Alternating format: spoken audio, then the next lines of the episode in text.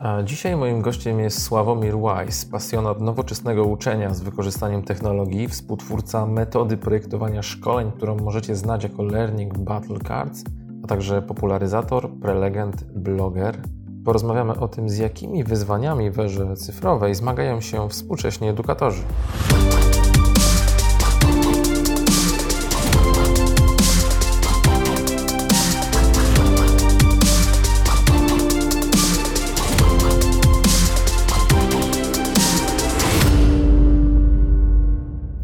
Wiesz, w edukacji dorosłych y, wziąłem się e, w trochę dziwny sposób, dlatego że ja skończyłem matematykę, pracowałem na uczelni, uczyłem studentów. Mój ojciec, e, metodyk e, kształcenia, postanowił założyć firmę. To były lata 90. Wielu ludzi podejmowało takie decyzje i ja w tej firmie, jak to w firmie rodzinnej, też pracowałem. Na początku nosiłem komputery, później coraz ciekawsze zadania, ale to, co mnie tam spotkało, to było to, że to była firma, która e, realizowała szkolenia dla nauczycieli e, dotyczące tego, jak wykorzystać komputer w uczeniu. I realizowane te szkolenia były przez właściwie chyba najtęższe głowy w tamtym czasie, które w ogóle się zastanawiały, co z tym zrobić. Pojawiły się spektrumy, pojawiły się Elvro, nie wiem, czy Pamiętasz takie rzeczy? E, I trzeba było sobie jakoś z tym poradzić. Jak tego używać? Przecież to nie jest pomoc naukowa, bo to jest dużo więcej, tak? Jeszcze nie było internetu, e, ale mimo wszystko jest to ciekawe do, ten, do, do wykorzystania. I e, to, co mnie spotkało, to było, i to moim zdaniem takie bardzo fajne złożenie, że mój matematyczny umysł, taki przyzwyczajony do tworzenia struktur, do tworzenia modeli logicznych, trafił na rozmowy z ludźmi, którzy się zajmowali tak ciekawą rzeczą, jaką jest wykorzystanie technologii w uczeniu, i to mnie bardzo pociągnęło. A jednocześnie dało mi takie poczucie, wyobraź sobie 25-latka tuż po studiach, który toczy wieczorne dyskusje, jest na ty z e, największymi profesorami, którzy e, są równie zaciekawieni tematem. Też nie mają wszystkich odpowiedzi. Wtedy nie było tak, że wszyscy wiedzieli, jak, jak z tym sobie radzić. Znaczy, jak ten komputer, co on właściwie zrobi, co, jaka będzie, jaki będzie efekt w, w momencie, kiedy nauczyciel go użyje co będą robili uczniowie. Dzisiaj wiemy, że to jest, jak to, jak to funkcjonuje, nadal y, cały czas y, się z tym borykając. I to spowodowało, że zrozumiałem, że y, Coś, co mnie najbardziej pociąga, to jest połączenie tych dwóch rzeczy. Technologia, którą zawsze mnie interesowała, umiem programować, znam kilka języków programowania, e, uczyłem się też tego na studiach. E, matematyka, czyli budowanie modeli e, i uczenie, czyli zrozumienie, jak człowiek może uczyć, jaki może być model uczenia, co to jest metodyka uczenia, jak ona się zmienia, jakiego rodzaju elementy w tej metodyce mm, potrafią być czasami nawet prawie, że powiedziałbym, sprzeczne. Czyli niektóre, a na pewno bardzo zmienne. Niektóre z rzeczy, które były oczywiste dla dydaktyków XX e, wieku, no dzisiaj są uważane za, no powiedziałbym, przestarzałe, delikatnie mówiąc. A to miejsce, do którego doszliśmy obecnie z technologią, to było jakoś mm, spodziewane wtedy? Możesz powiedzieć, że mniej więcej y, przewidywaliście wtedy, gdzie nauka gdzie uczenie dorosłych się znajdzie za lat powiedzmy 20. Oczywiście biorę pod uwagę, że bardzo wielu zmian technologicznych nie mogliśmy przewidzieć, ale same trendy, kierunek, klimat. Myślę, że, e, że nie, że wtedy ludzie się nie spodziewali e, tego, że to nie będzie tylko zmiana samego sposobu uczenia. Ludzie nie dostrzegali tego, że tak naprawdę będziemy po pierwsze uczyć ludzi, którzy będą inni, czyli że różnica pokoleń pomiędzy nauczycielem a uczniem będzie tak drastyczna, że właściwie trzeba zacząć szukać powoli języka porozumienia między tymi dwoma grupami ludzi.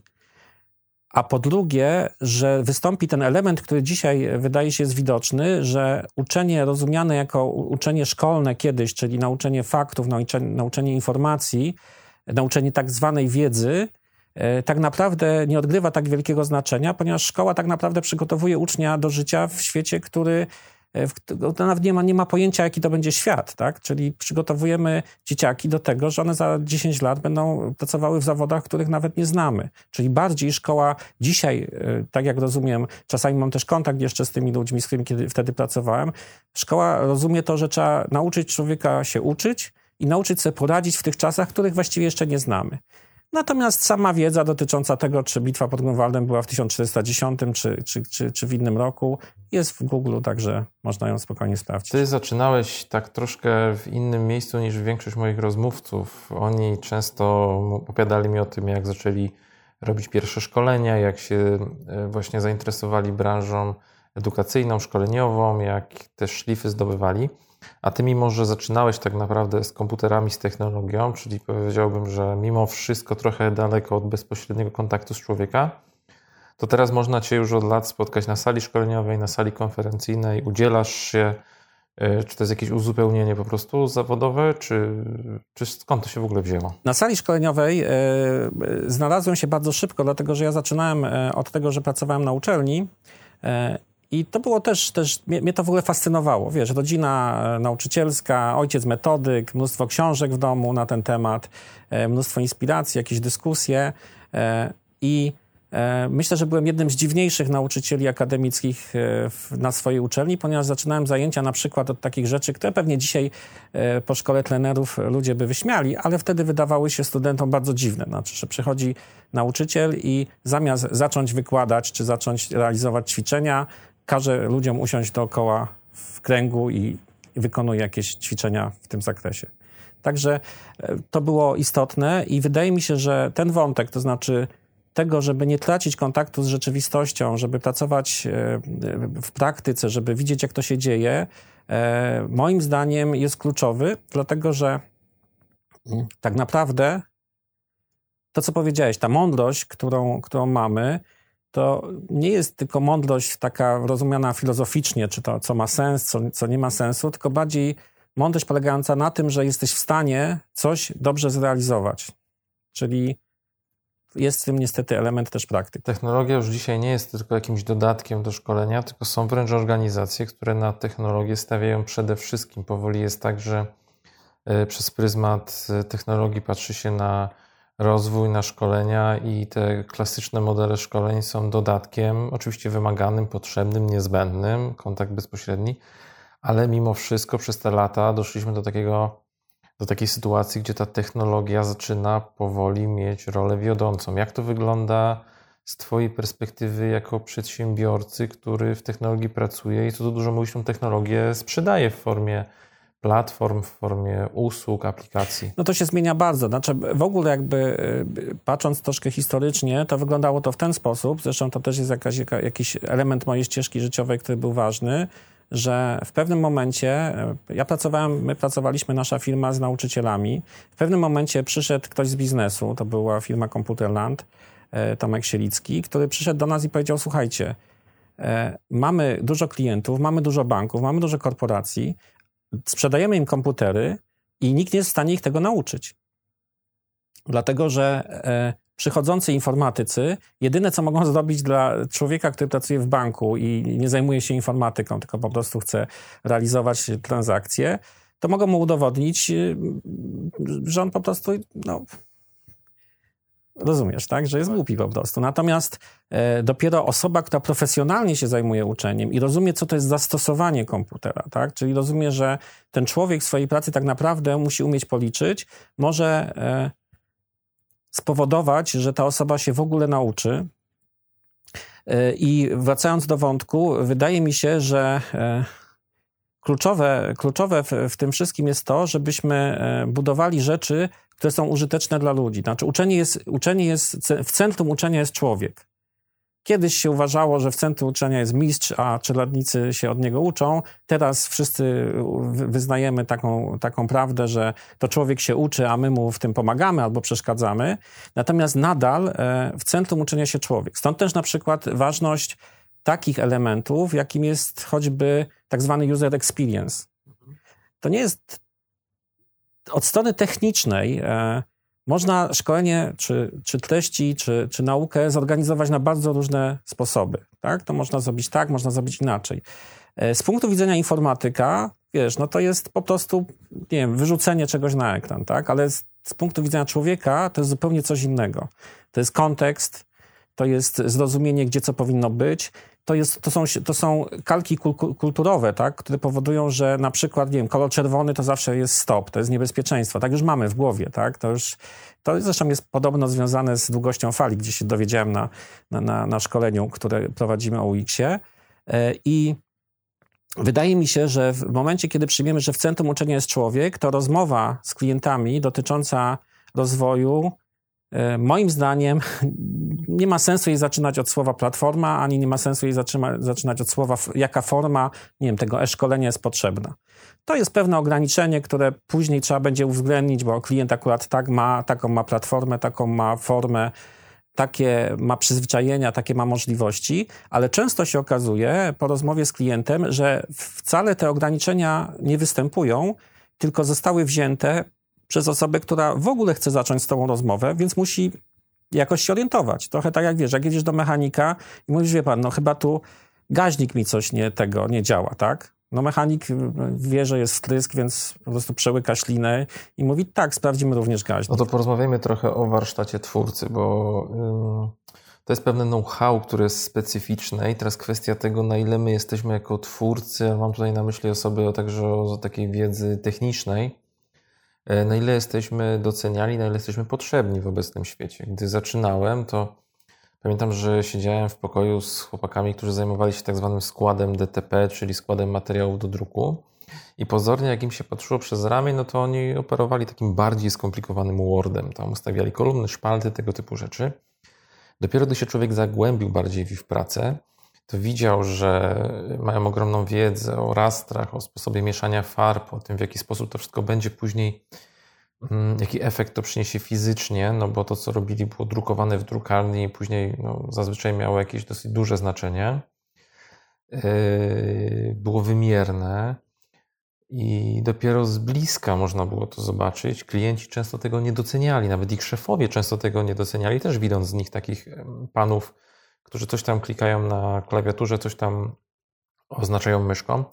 A jak my sobie mamy poradzić w czasach cyfrowych, gdzie często to klient jest y, sam w sobie wykonawcą i on może pewnych rzeczy nie wiedzieć, e, może w takiej błogiej nieświadomości trwać, będąc twórcą, ale nie posiadając takich technicznej, specjalistycznej wiedzy, takich kompetencji, które mimo wszystko chyba dalej są potrzebne. Wiesz, w produkcji materiałów cyfrowych masz olbrzymią, e, olbrzymie pole do popisu, tak? Tam masz kolory, masz e, fotoedycję, masz e, ilustrowanie w ogóle, masz budowanie koncepcji, masz budowanie struktury, redakcję zwykłą, tak? Czyli takie po prostu pisy, operowanie słowem. Jest mnóstwo rzeczy.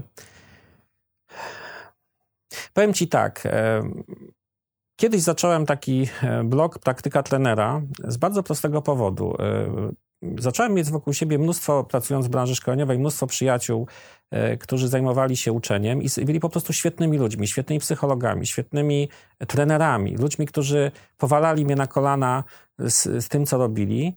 Natomiast zauważyłem, że niestety czasami ten komputer im bardzo przeszkadza. To znaczy, że nawet jak mają zrobić, no nie wiem, prostego PowerPointa, czy wysłać ofertę, czy coś, się męczą strasznie.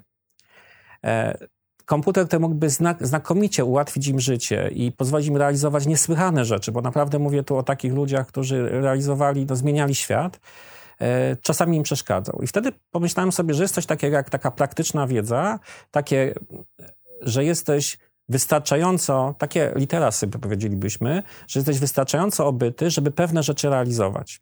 No bo pomyślmy sobie praktycznie, czy zawsze jest tak, że tworząc treści szkoleniowe możesz sobie pozwolić na to, żebyś miał osobno grafika, któremu oczywiście musisz wszystko wytłumaczyć, tak? Osobno scenarzystę, osobno filmowca, osobno e, osobę, która się zajmie e, redakcją i, i takim, nazwijmy trochę copywritingiem. Ona, skąd ona, na przykład ona by musiała zrozumieć temat, to też jest ciekawe, tak? Że, że właściwie musiałbyś szybko jeszcze ją przeszkolić. Więc wydaje się, że w takim e, idealnym świecie oczywiście to by było dobrze, natomiast w praktycznym działaniu jest tak, że po prostu, jeżeli się komunikujesz, i to jest, wiesz, to, to nie jest od dziś, tak? Kiedyś y, uczyliśmy się wszyscy, że żeby się komunikować, trzeba pewne rzeczy robić. Na przykład, nie wiem, mówić dobrze po polsku. Dzisiaj, żeby się komunikować, no niestety, troszeczkę warto wiedzieć. E, I wracając do, do, do tego wątku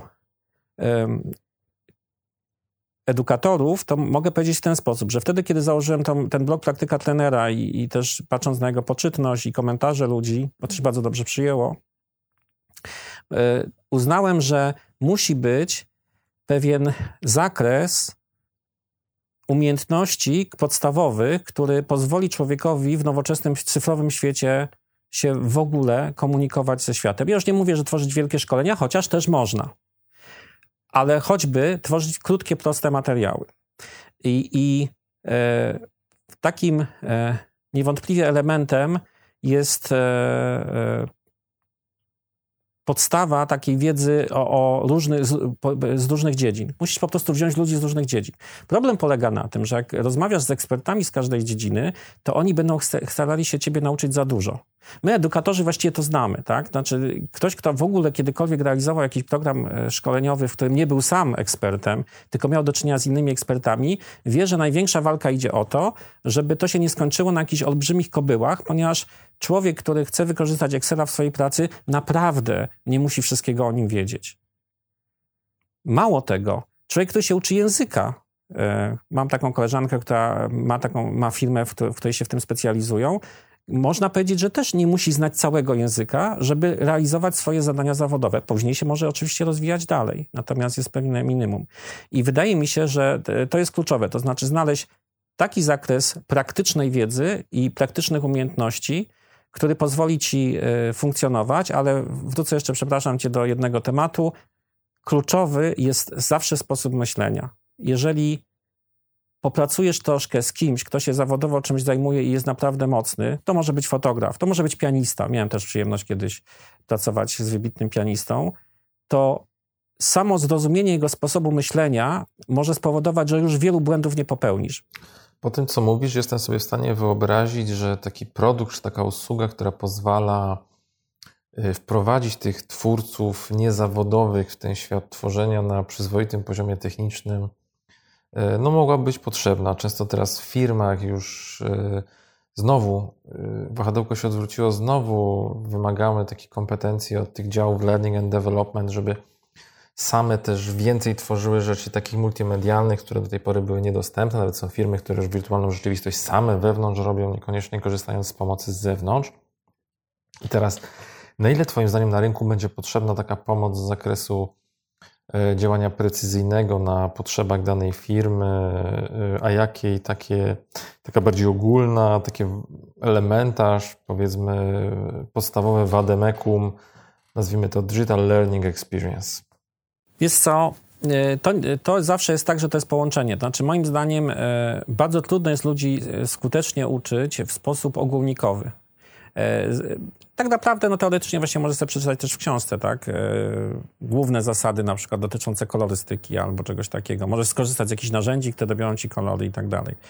Natomiast pra, u, uczenie, e, jedną z zasad uczenia jest to, że koszula powinna być bliska ciału, tak? Czyli ja staram się zawsze pracować z ludźmi w ten sposób, żeby pracować nad ich case'ami. Jak prowadzimy szkolenia dotyczące Learning Battle Cards, to staramy się namówić ludzi do tego, żeby przyszli na szkolenie z konkretnym projektem na myśli, dlatego że jak będziemy rozmawiali o jakimś projekcie wyimaginowanym, to nasze myślenie też będzie takie trochę z, z, bajki, tak? No bo to będzie wszystko w świecie jakimś nieistniejącym, to będzie jakaś równoległa rzeczywistość, której nie ma. Więc rozmawiajmy o czymś, co naprawdę masz. Jeżeli chcesz zrobić coś konkretnego, powiedz co. Będziemy o tym rozmawiać. Nie będziemy rozmawiać ogólnie. Oczywiście przy okazji poznasz kanony, które spowodują, że realizując inne szkolenia czy inne treści e, cyfrowe e, sobie poradzisz, ale przyswoisz sobie to tylko wtedy, kiedy to przejdziesz na własnym case'ie. Także myślę, że uczenie ludzi w oderwaniu od, od, rzeczywi- od ich rzeczywistości jest mm, słabe. Ja się jeszcze zastanawiam, czy to nie jest trochę tak, że wymyślamy sztukę dla sztuki, że to jest tak, że z jednej strony mm, chcemy, żeby ta otaczająca nas rzeczywistość była coraz lepsza, coraz bardziej rozbudowana, coraz bardziej dopasowana. E, a z drugiej strony jest tak, że nie mamy na to środków, czasu i tylko się niepotrzebnie e, czarujemy, że może to po prostu powinniśmy mm, załatwiać tylko i wyłącznie, albo prawdopodobnie prawie tylko i wyłącznie na poziomie, że tak powiem, tego jak czujemy. Jeżeli czuję, że taka czcionka mi się podoba, to nie wchodzę w reguły tego, czy ona jest szeryfowa, nie szeryfowa, mm, czy ma takie czy inne cechy, tylko po prostu mnie się podoba i tyle. Ponieważ i tak 95% świata nie zauważy różnicy, a 5%, które zauważy, może niekoniecznie musi być w grupie naszych klientów dla tych 5% nie opłaca się przewracać wszystkiego do góry nogami. Jest co, ja zwykle, e, puszczamy zresztą na szkoleniach czasami też taki sketch Monty Pythona, e, jestem papieżem, e, jestem cholernym papieżem i wiem, co mi się podoba. Dotyczący właśnie sztuki. Ja myślę, że to jest tak. Po pierwsze, taka pierwsza dla mnie refleksja była wtedy, kiedy bardzo mocno gadałem z, z psychologami, którzy mi powiedzieli, wiesz co, ty Sławek się możesz denerwować. Złość to nawet jest w miarę sensowna rzecz, bo ona mówi, twój organizm o czymś ci mówi, tylko to, co ty możesz zrobić, to jest to, żebyś ty wiedział, że to się dzieje i żebyś potrafił e, jakby to kontrolować w jakiś sposób, tak? Czyli na przykład nie, nie przelewać złości w agresję. I to e, powoduje, że zacząłem być takim fanem tego, właśnie dlatego myślę, że e, praca z ludźmi, którzy są mistrzami w czymś, jest bardzo ważna, dlatego że ty musisz e, nabrać pewnego sposobu myślenia. Jest taki efekt, który pewnie znasz i myślę, że niech rzuci kamieniem ten, kto, kto go nie zna, który się nazywa efektem wow. Jest coś takiego, że czasami ci przyjdzie do głowy coś takiego. Zobaczyłeś gdzieś tam możliwość zrobienia czegoś wiarowo, nam jakoś z jakimś bajerem i mówisz, tak, ja muszę to zastosować, ja im pokażę, nie? Ja to, tego. Koledzy po prostu... Tylko, że problem polega na tym, że ani robisz ani tej, tej treści cyfrowej dla siebie, ani dla kolegów. I to, że koledzy zachwycą się twoim znajomością JavaScriptu czy, czy czegoś innego, nie powoduje, że, e, że to będzie dobry produkt. W związku z tym wydaje mi się, że e, kluczowe jest to, żeby starać się zrozumieć właśnie sposób myślenia różnych ludzi, ale też pewne istniejące kanony, które powodują, że pewnych błędów nie poprawisz.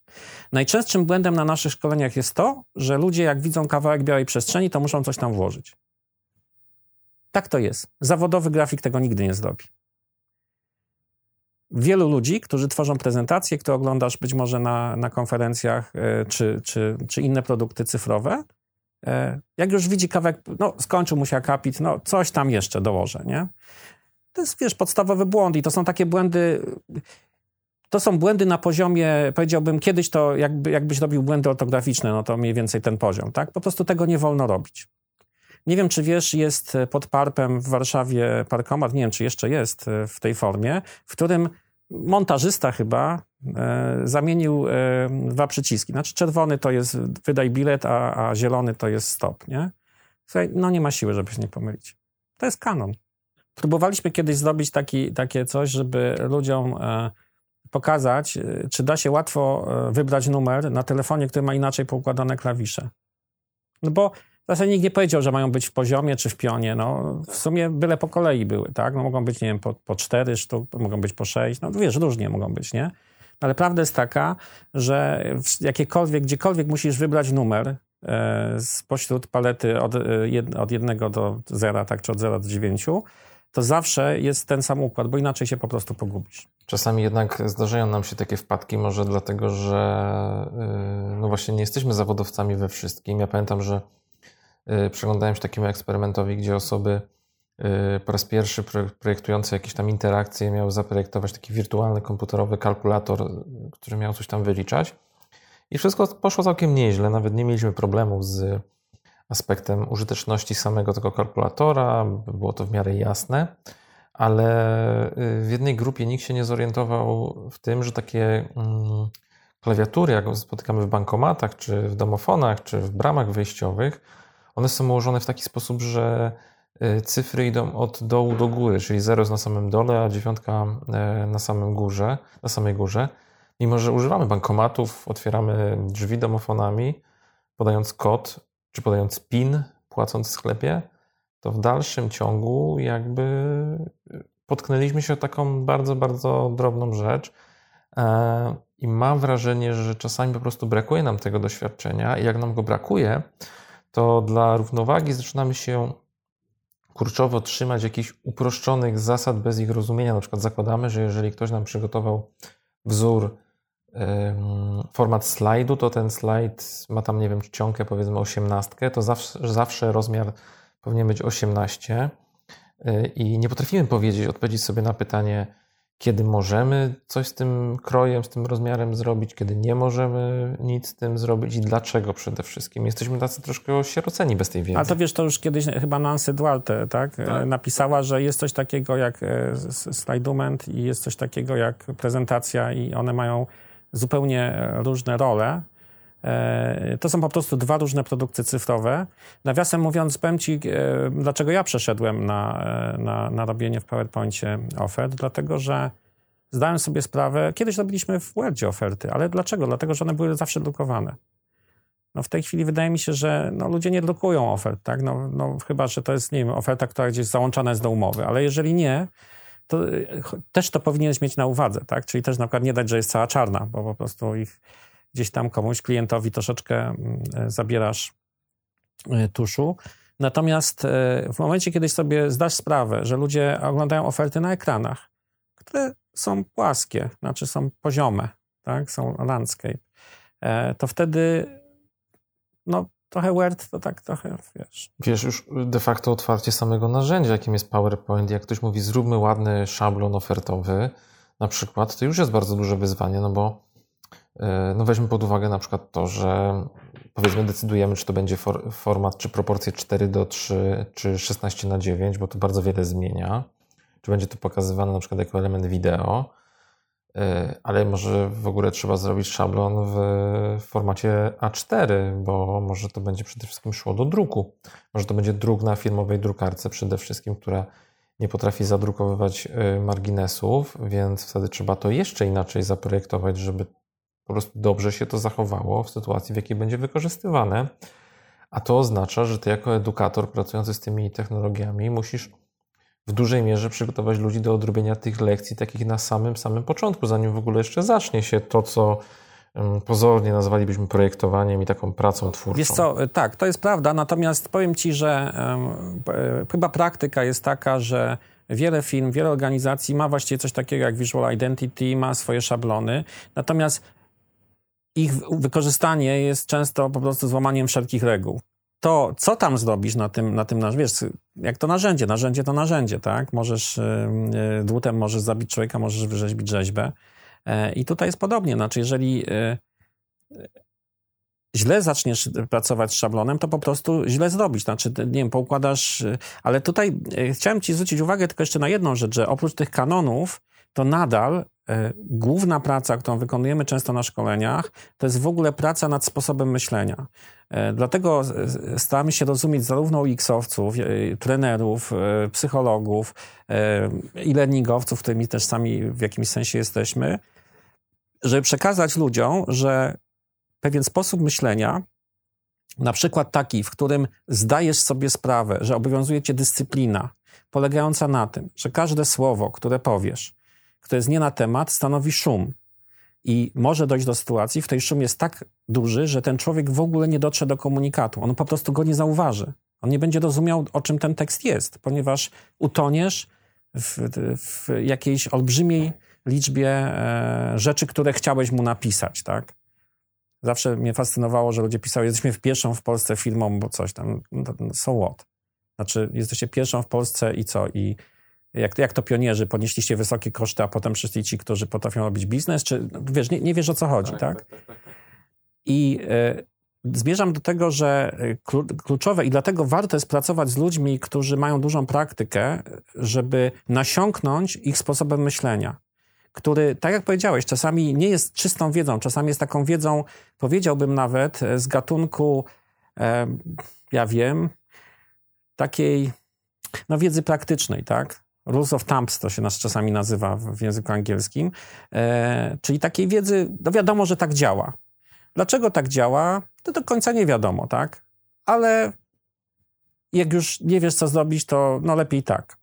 Dlatego zawsze staramy się, żeby, żeby, żeby w takich e, inicjatywach ludzie zrozumieli sposób myślenia, czyli wiedzieli, dlaczego tak jest. Nie muszą znać szczegółów, nie musisz być zawodowym redaktorem, ale na przykład dobrze, jeżeli zdajesz sobie sprawę, że im więcej piszesz, tym w sumie jest gorzej. Jeszcze jest tak, że ja mimo powiedzmy bogatego warsztatu, dużego doświadczenia mogę zupełnie nie trafić w gusta klienta, w jakieś tam jego wizję tego, co będzie.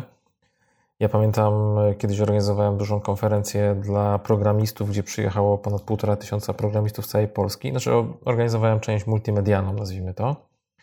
I była to wielokamerowa transmisja, a w praktyce okazało się, że widzów interesował głównie ekran komputera osoby prowadzącej i te kursor tam migający i te programistyczne runy, bo oni chcieli oglądać yy, chcieli oglądać jak ktoś koduje w czasie rzeczywistym, a niekoniecznie interesowało ich to, że mamy 8 kamer, z czego dwie ruchome i w ogóle fajerwerki, więc z tym jest bardzo różnie. Bogactwo e, wyposażenia czy doświadczenia wcale niekoniecznie musi pomagać. Wiesz, e, to, po, po, podjąłeś bardzo ciekawy temat, to znaczy, że klient ma wyobrażenie. E, klienci często mają wyobrażenie, jak będzie wyglądał ten produkt, które być może wynika z tego, że coś widzieli fajnego, że coś im się spodobało. Nie zawsze, e, no, z tego względu na przykład pracują z takimi ludźmi jak my, mają wystarczające kwalifikacje, żeby ocenić, czy to jest akurat adekwatne do tego, co robią. E, no, dzięki temu w ogóle jesteśmy na rynku.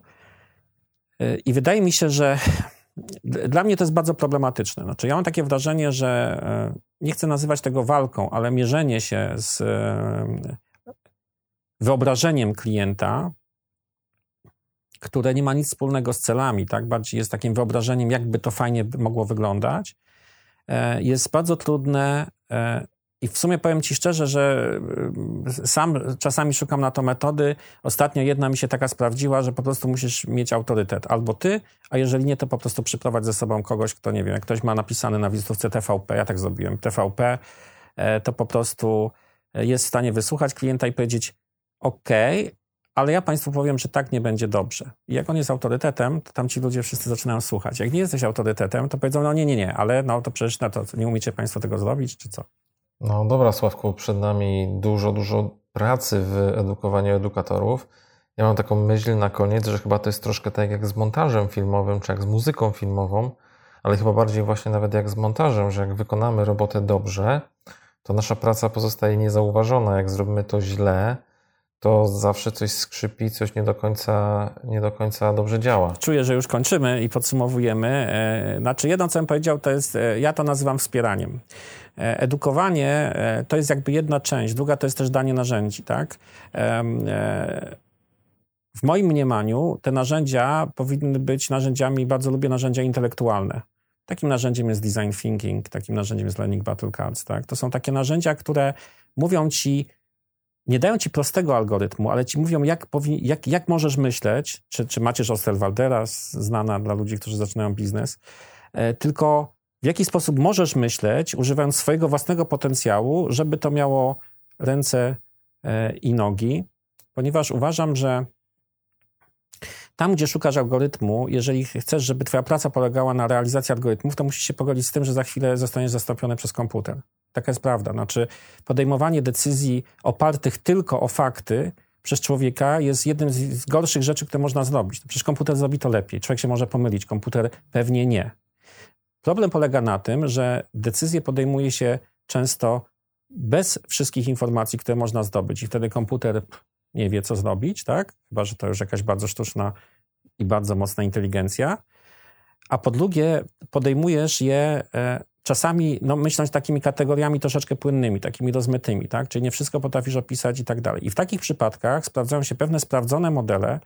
E, powiem Ci, że jestem poszukiwaczem takich modeli, bardzo mocno analizuję wszelkie modele, które się pojawiają i często korzystamy z tego na szkoleniach, e, dając ludziom po prostu modele, które mówią, jak tworzyć informacje, które są przyczepne to książka braci HIV.